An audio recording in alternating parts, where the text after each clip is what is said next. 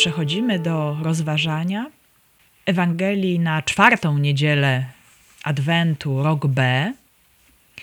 I już ten fragment Ewangelii wprowadzi nas w samo przygotowanie do celebracji Narodzenia Pańskiego, bo będzie to Ewangelia, y, która opowiada nam o zwiastowaniu.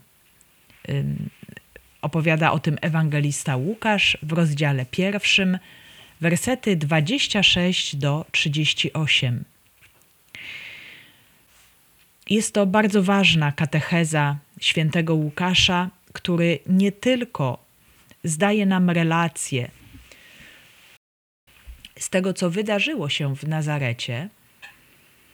Mm, Łukasz, jako jedyny z wszystkich ewangelistów, przywołuje tę scenę, którą zapewne poznał od samej Maryi, mm, ale jednocześnie jest to scena biblijna, która bardzo wyraźnie przedstawia nam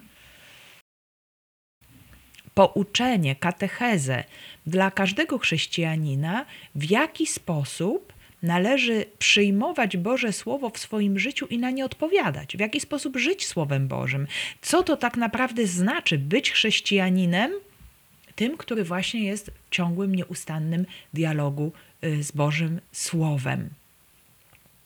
Y, I tutaj y, zresztą zobaczymy, ewangelista Łukasz będzie wpisywał się w całą tradycję biblijną, opowiadającą o powołaniach różnych bohaterów biblijnych, zaproszeniach y, do współpracy z Bogiem, i ta właśnie scena, ona stanowi no, niejako taki szczyt y, wszelkich powołań człowieka przez Boga, zaproszeń do wielkich dzieł w historii zbawienia. Poprośmy, aby to nasze słuchanie słowa było owocne, abyśmy mogli z otwartością serca wysłuchać to słowo, które jest nam bardzo dobrze znane, które e, słyszeliśmy już nieraz, które powraca do nas przy okazji nie tylko Adwentu, ale i różnych e, uroczystości świąt maryjnych. I wydaje nam się, że znamy tę Ewangelię niejako na pamięć.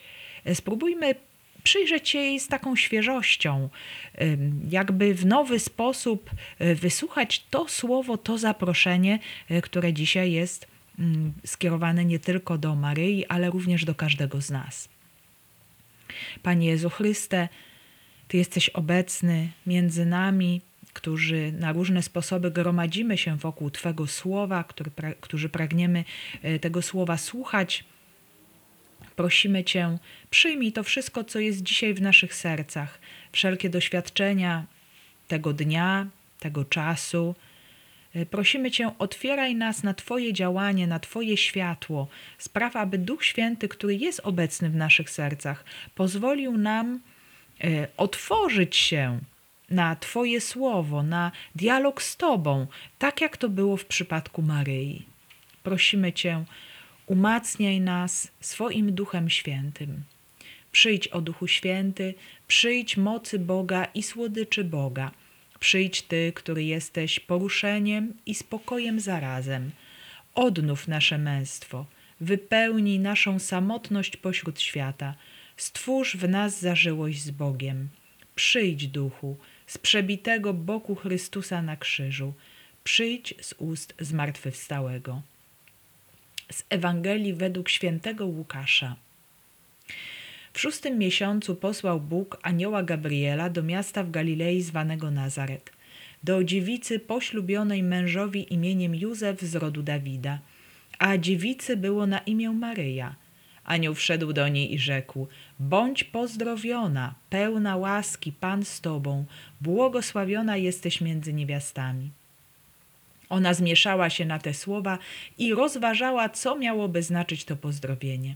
Lecz anioł rzekł do niej: Nie bój się, Maryjo, znalazłaś bowiem łaskę u Boga. Oto poczniesz i porodzisz syna, któremu nadasz imię Jezus. Będzie on wielki i będzie nazwany synem Najwyższego, a Pan Bóg da mu tron jego praojca Dawida. Będzie panował nad domem Jakuba na wieki, a jego panowaniu nie będzie końca. Na to Maryja rzekła do anioła: Jakże się to stanie, skoro nie znam męża? Anioł jej odpowiedział: Duch Święty stąpi na ciebie i moc Najwyższego osłoni cię. Dlatego też święte, które się narodzi, będzie nazwane synem Bożym. A oto również krewna twoja Elżbieta poczęła w swej starości syna i jest już w szóstym miesiącu ta, która uchodzi za niepłodną. Dla Boga bowiem nie ma nic niemożliwego.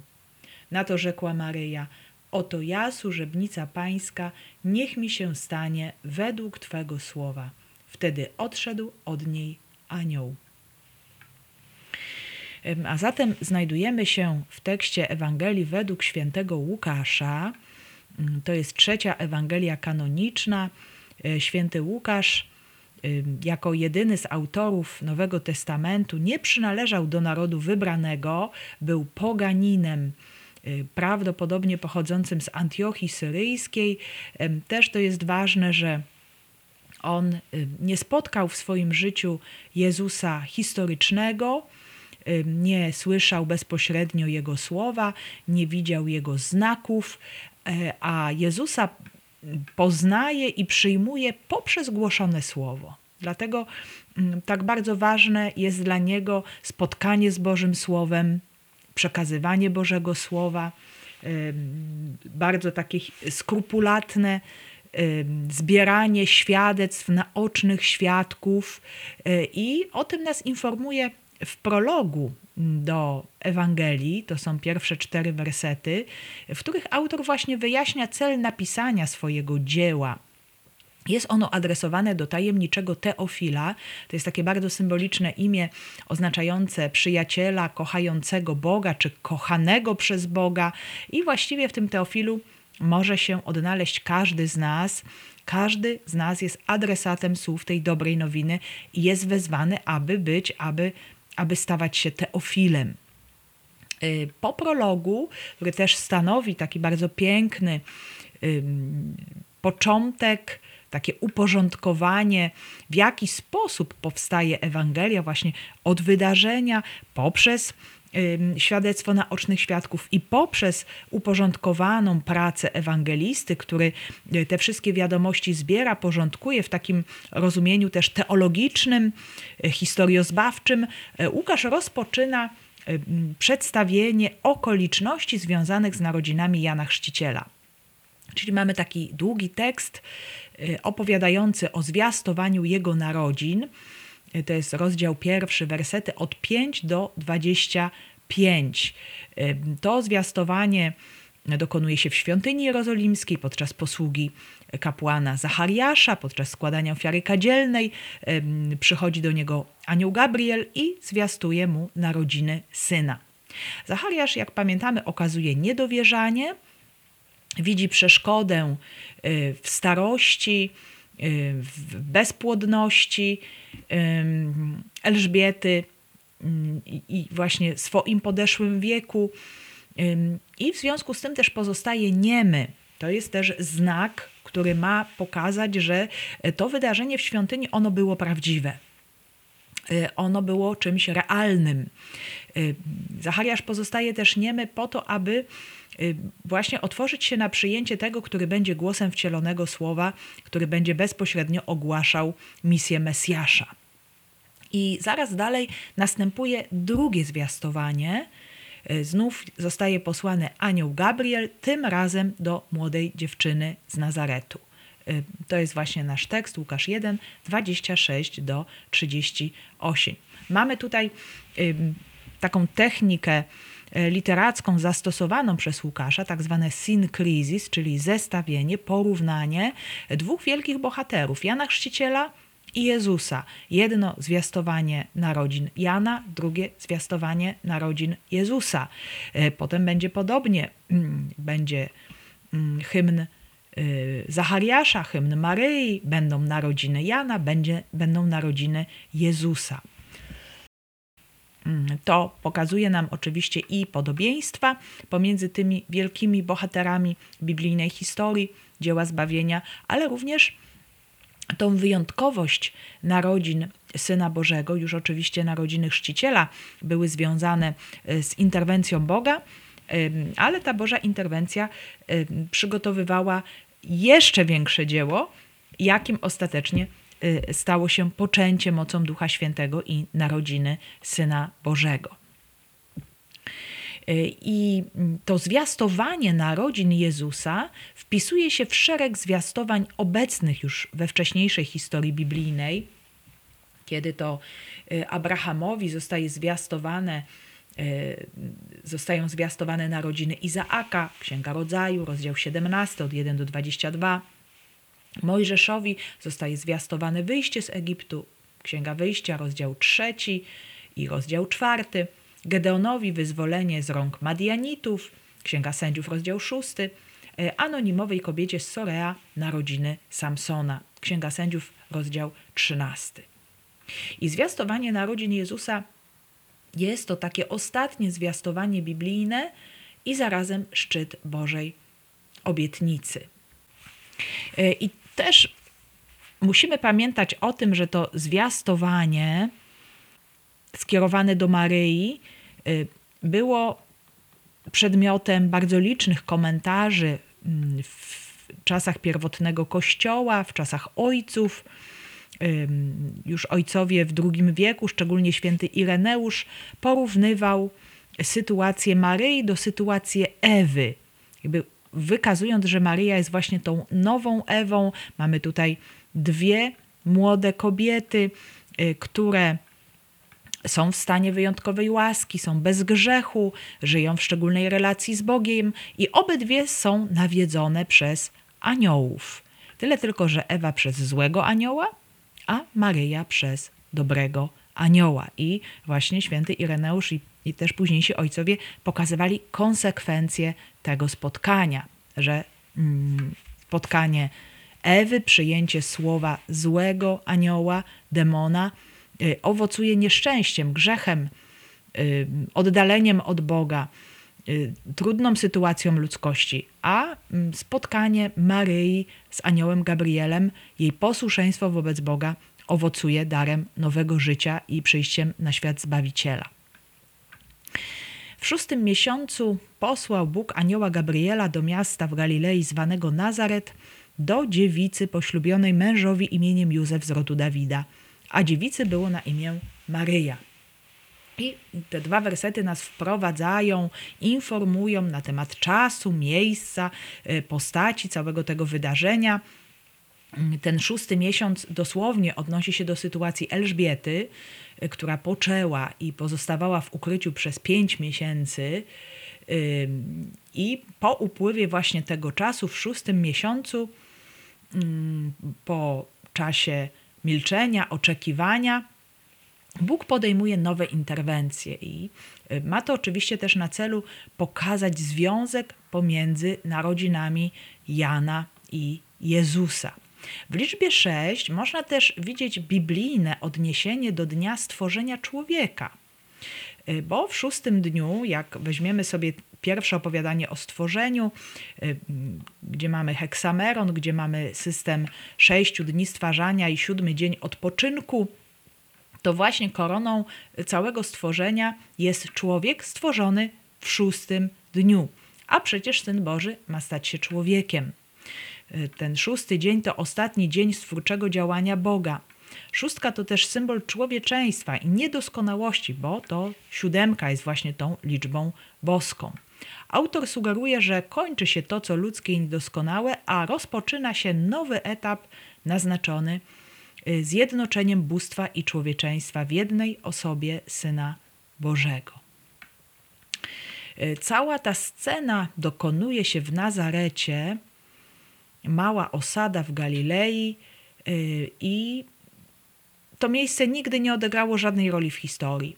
Nigdy nie pojawia się w Starym Testamencie żadne odniesienie do Nazaretu, aż do tego momentu. E, jednak właśnie możemy zauważyć, że Bóg wybiera to, co małe, e, to, co nieznaczące w oczach ludzkich. Bóg mm, nawiedza skromne, ubogie warunki i posyła swego anioła Gabriela. Gabriel to imię oznacza moc Boża, właśnie tam.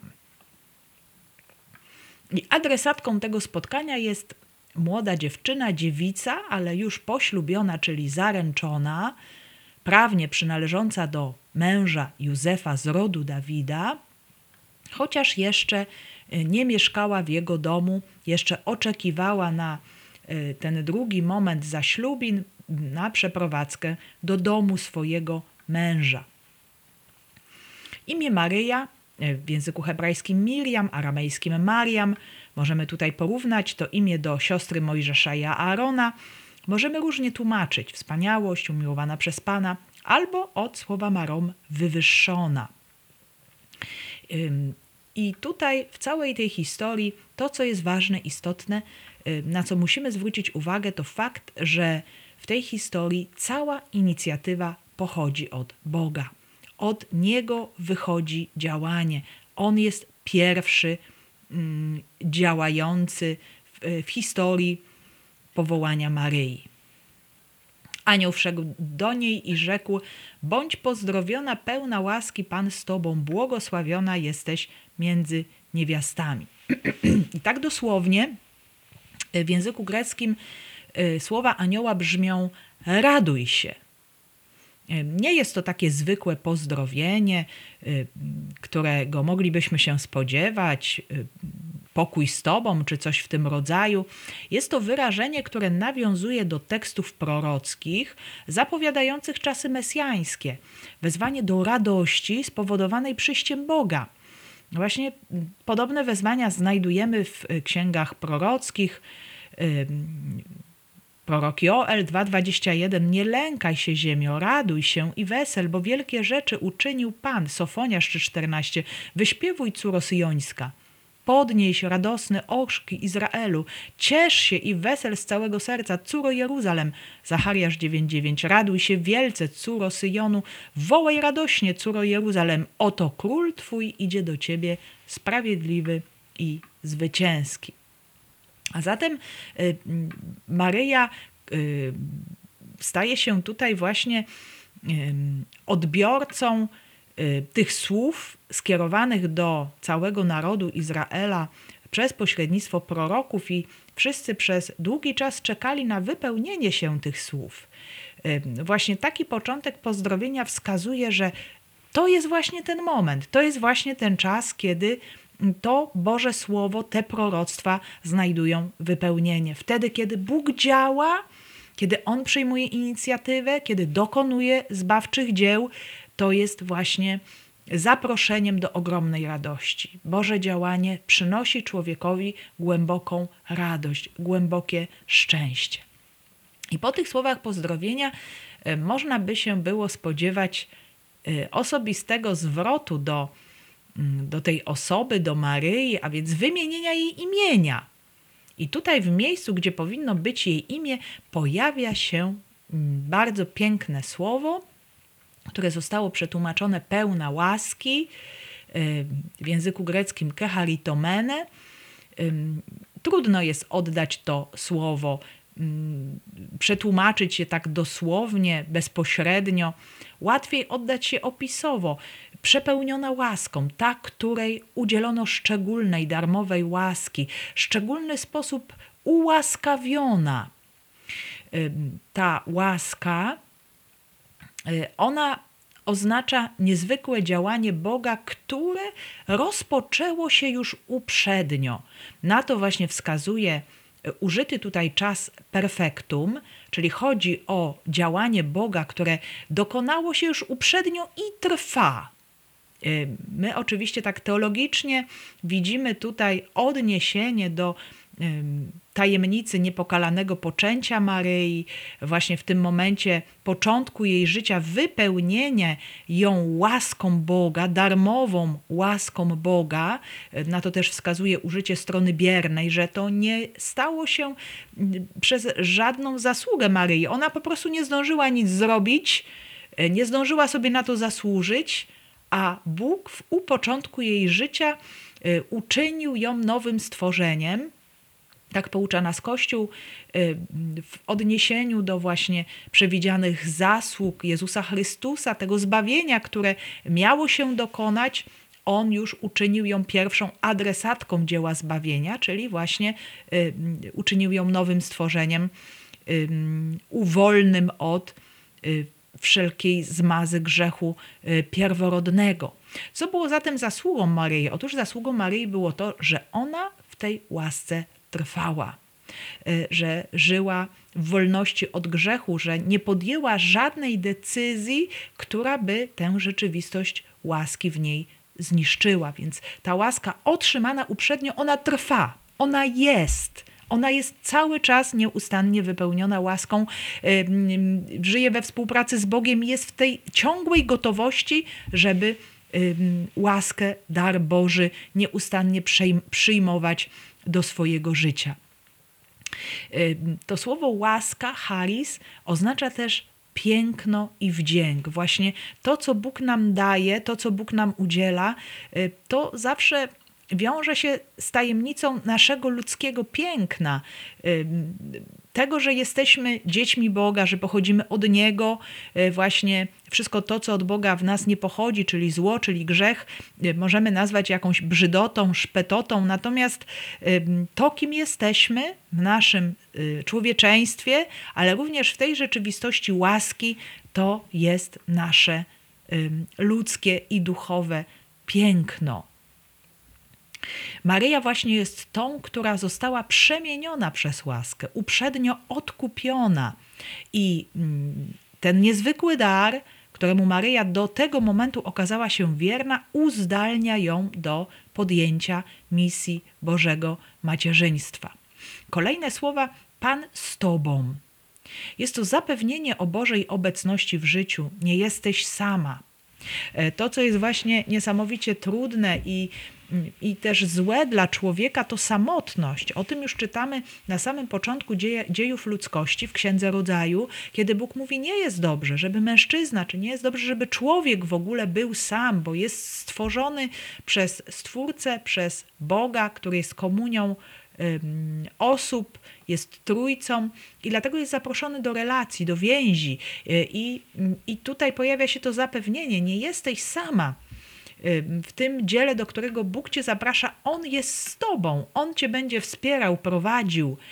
Y, I podobnie Bóg zapewniał o tym swoich wybranych już w Starym Testamencie Izaaka, rodzaju 26:3, Jakuba, rodzaju 28:15, Mojżesza, wyjścia 3:12, Jozuego, Jozue 1:9, Gedeona, sędziów 6:12. Jest to zachęta do nadziei, nabrania odwagi, uwolnienia się od wszelkiej pokusy lęku. Błogosławiona jesteś między niewiastami. Uczeni uważają, że to zdanie, które nie jest obecne we wszystkich starych kodeksach, zostało dołączone na podstawie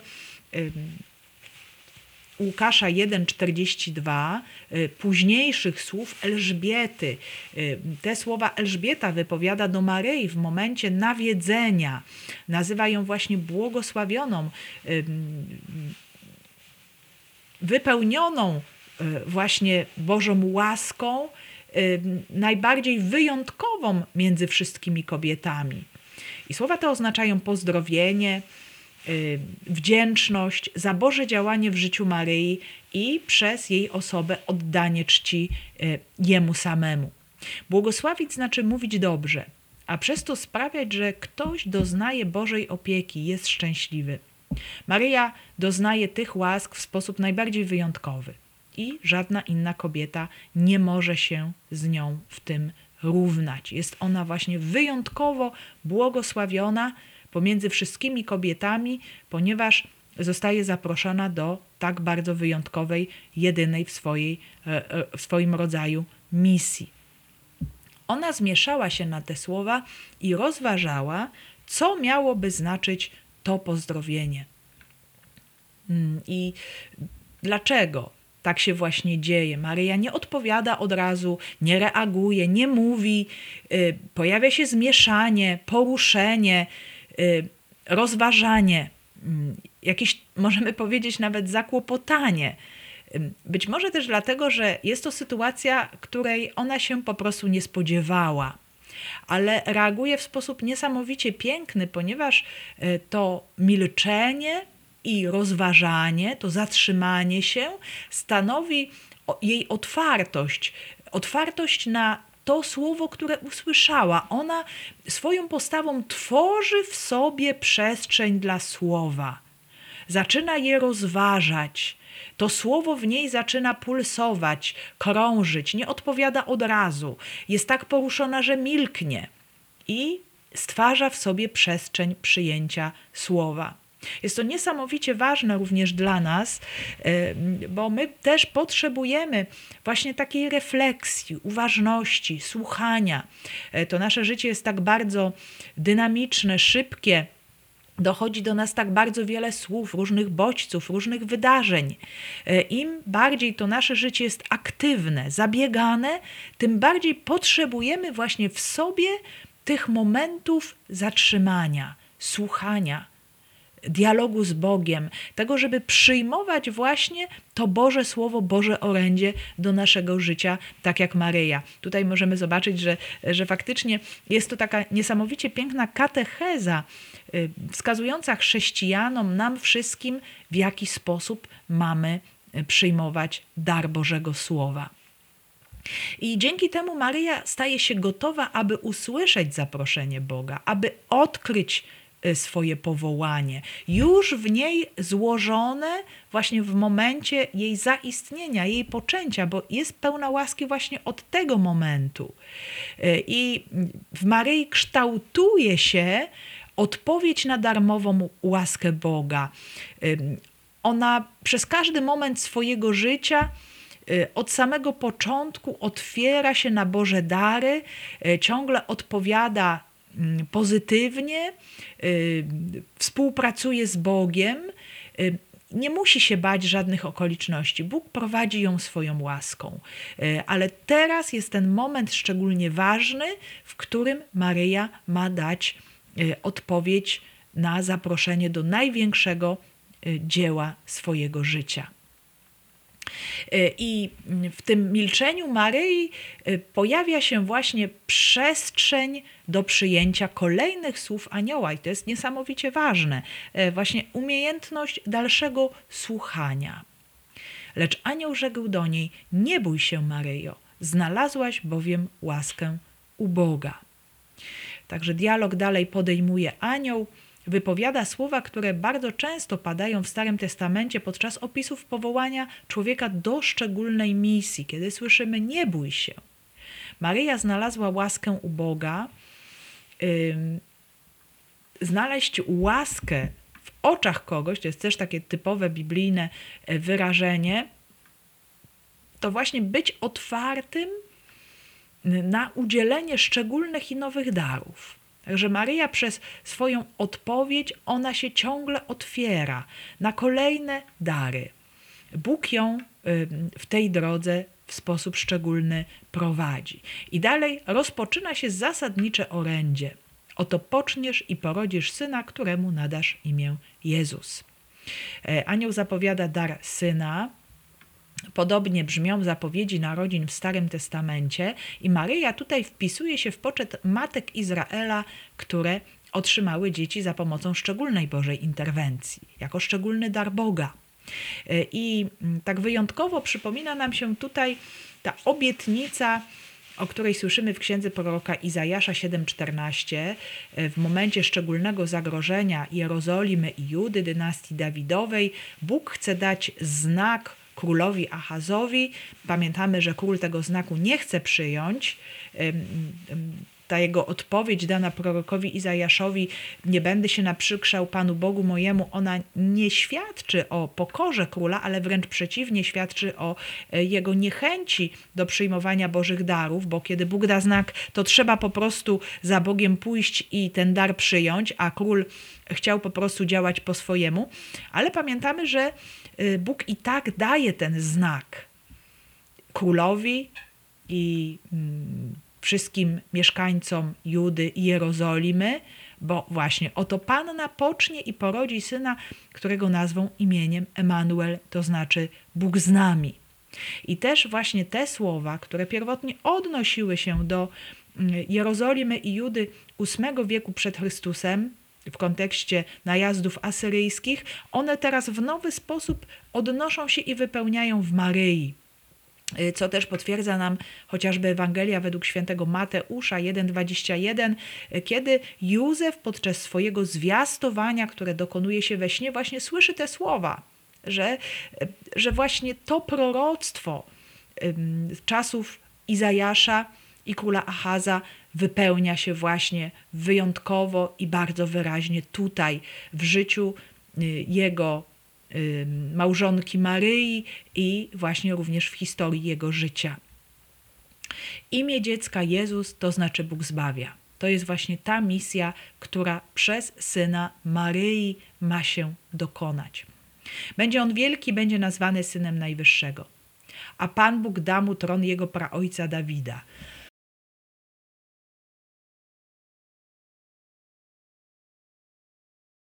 Będzie panował nad domem Jakuba na wieki, a jego panowaniu nie będzie końca. Anioł ogłasza szczególną godność syna Maryi. Nie tylko będzie wielki, bo tak również zostaje nazwany Jan Chrzciciel, on też będzie wielki, ale tu będzie jeszcze coś innego. Syn Maryi będzie nazwany synem Najwyższego, czyli synem Bożym. W Starym Testamencie nazywano czasem aniołów synami bożymi. Naród izraelski w całości był e, szczególnym, pierworodnym synem Boga, adoptowanym przez niego. E, szczególne Boże synostwo posiadał król, zwłaszcza ten z dynastii, z domu e, Dawidowego. Jednak były to określenia y, służące jedynie, by podkreślić Boże wybranie, łaskę i opiekę. Jezus zaś posiada niezwykłą, jedyną relację z Bogiem. Widać to w fakcie nadania imienia przez samego Boga. Nadanie imienia ukazuje przynależność. Wielka godność Jezusa zostanie uroczyście ogłoszona przez Boga. Będzie nazwany synem Najwyższego. Tyś jest moim synem umiłowanym, w Tobie mam upodobanie. E, te słowa, one wybrzmią szczególnie w momencie chrztu Jezusa w Jordanie i podczas przemienienia na górze. Wzmianka o tronie Dawida ukazuje powiązanie z wyrocznią Natana. Druga księga Samuela, rozdział 7, wersety od 12 do 16. Bóg miał wybudować Dawidowi dom, to znaczy dynastię, i utrwalić w niej panowanie. I to właśnie zrealizuje się w Jezusie, ale w inny sposób. Jak pamiętamy, y, po wygnaniu babilońskim, po powrocie z wygnania, dynastia Dawidowa już nie zasiadała na tronie w Jerozolimie. Y, już nastąpił inny czas. Naród wybrany był cały czas pod dominacją kolejnych imperiów perskiego, greckiego, teraz rzymskiego, a zatem właśnie to panowanie na tronie Dawida, ono zrealizuje się w Jezusie, ale w zupełnie inny sposób. Na to Maryja rzekła do anioła: Jakże się to stanie, skoro nie znam męża? Maryja nie okazuje niedowierzania, ale pyta o szczegóły, jakby o instrukcję, bo chce świadomie podjąć decyzję. To nam pokazuje niesamowitą otwartość, rezolutność, inteligencję tej młodej dziewczyny, e, która dialoguje z Bogiem, e, która chce z nim współpracować właśnie w bardzo świadomy sposób, e, która też jest świadoma tego, że jej życie już jest w jakiś sposób zaprojektowane, bo jest zaręczona, jest już związana z Józefem. I, i to pytanie, jak się to stanie, skoro nie znam męża, dotyczy przede wszystkim tego, że Maryja jeszcze nie mieszka ze swoim mężem, jest jeszcze dziewicą. To małżeństwo jeszcze faktycznie nie zaistniało, nie zostało do końca zrealizowane. A zatem właśnie Maryja chce wiedzieć, w jaki sposób mam począć dziecko, skoro nie mieszkam z moim mężem. Czy ma się to dokonać już teraz, czy później, kiedy z moim mężem zamieszkam? Ale niektórzy też mówią, chociażby na podstawie opinii świętego Augustyna, o możliwym ślubie dziewictwa Maryi, że Maryja taki ślub miała złożyć. Starożytności e, w Izraelu nie było takiego zwyczaju, a raczej płodność wiązała się ze szczególnym Bożym błogosławieństwem i e, szczytem realizacji każdej kobiety było właśnie małżeństwo i macierzyństwo. Y, mogłoby to jednak wskazywać na jakieś wyjątkowe natchnienie, wyjątkową relację z Bogiem, którą Maryja ze względu na czystość swojej duszy, swojego serca, braku grzechu y, na pewno przeżywała i być może przeczuwała specjalne łaski, dlatego być może postanowiła żyć w dziewictwie. Jednak w takiej sytuacji na pewno y, musiało to być y, skonsultowane z Józefem. On musiałby na taką decyzję wyrazić zgodę i nie wiemy, jak było w rzeczywistości. Są to Y, pewne przypuszczenia, które jednak wprost nie wynikają nam z tekstu biblijnego. Y, Maryja jednak na razie oczekuje na przeprowadzkę do domu Józefa i, właśnie wie, że tak czy inaczej nie ma możliwości na poczęcie dziecka w tym momencie, a y, w tradycji żydowskiej było niesamowicie ważne to, aby dziewica do tego czasu troszczyła się o swe dziewictwo, o swoją czystość, aby później właśnie całkowicie y, oddać się swojemu mężowi. Nie wiemy, jak to było w przypadku Maryi, czy pragnęła y, żyć w małżeństwie z Józefem, czy pragnęła żyć ostatecznie ślubem dziewictwa. Widzimy jednak, że Maryja pyta anioła o sposób poczęcia tego dziecka. Anioł jej odpowiedział: Duch Święty stąpi na ciebie i moc Najwyższego osłoni cię, dlatego też święte, które się narodzi, będzie nazwane Synem Bożym. Duch Święty i moc Najwyższego. W Starym Testamencie nie rozumiano jeszcze Ducha Świętego osobowo. Był to przejaw Bożej mocy, Boży wiatr uzdalniający człowieka do e, jakichś niezwykłych Bożych dzieł, dający człowiekowi niezwykłą siłę. I stąpienie ducha oznaczało właśnie tę siłę, mądrość, jakiś dar, charyzmat, jakieś szczególne e, proroctwo. Nie wiadomo, jak Duch Święty dokona cudów wcielenia, ale wiemy, że On tego dokona, że będzie w tej rzeczywistości obecny. Osłonięcie zacienieniem mocą Najwyższego przywołuje nam obłok, który oznaczał obecność Bożą i w namiocie spotkania, o czym nam informuje Księga Wyjścia w 40 rozdziale, czy, czy później również e, obecność Boga w obłoku e, w świątyni jerozolimskiej. Maryja będzie teraz nowym przybytkiem, świątynią pełną Boga. Najważniejszy jest fakt, że syn Maryi będzie zrodzony bez udziału człowieka, będzie czystym darem Boga. Tak jak pierwszy człowiek, Adam, został stworzony bezpośrednio przez Boga, tak samo, może w podobny sposób, może nie tak samo, ale w podobny sposób Syn Boży y, będzie y, zrodzony przez Maryję bez udziału ziemskiego Ojca, będzie darem Boga dla świata.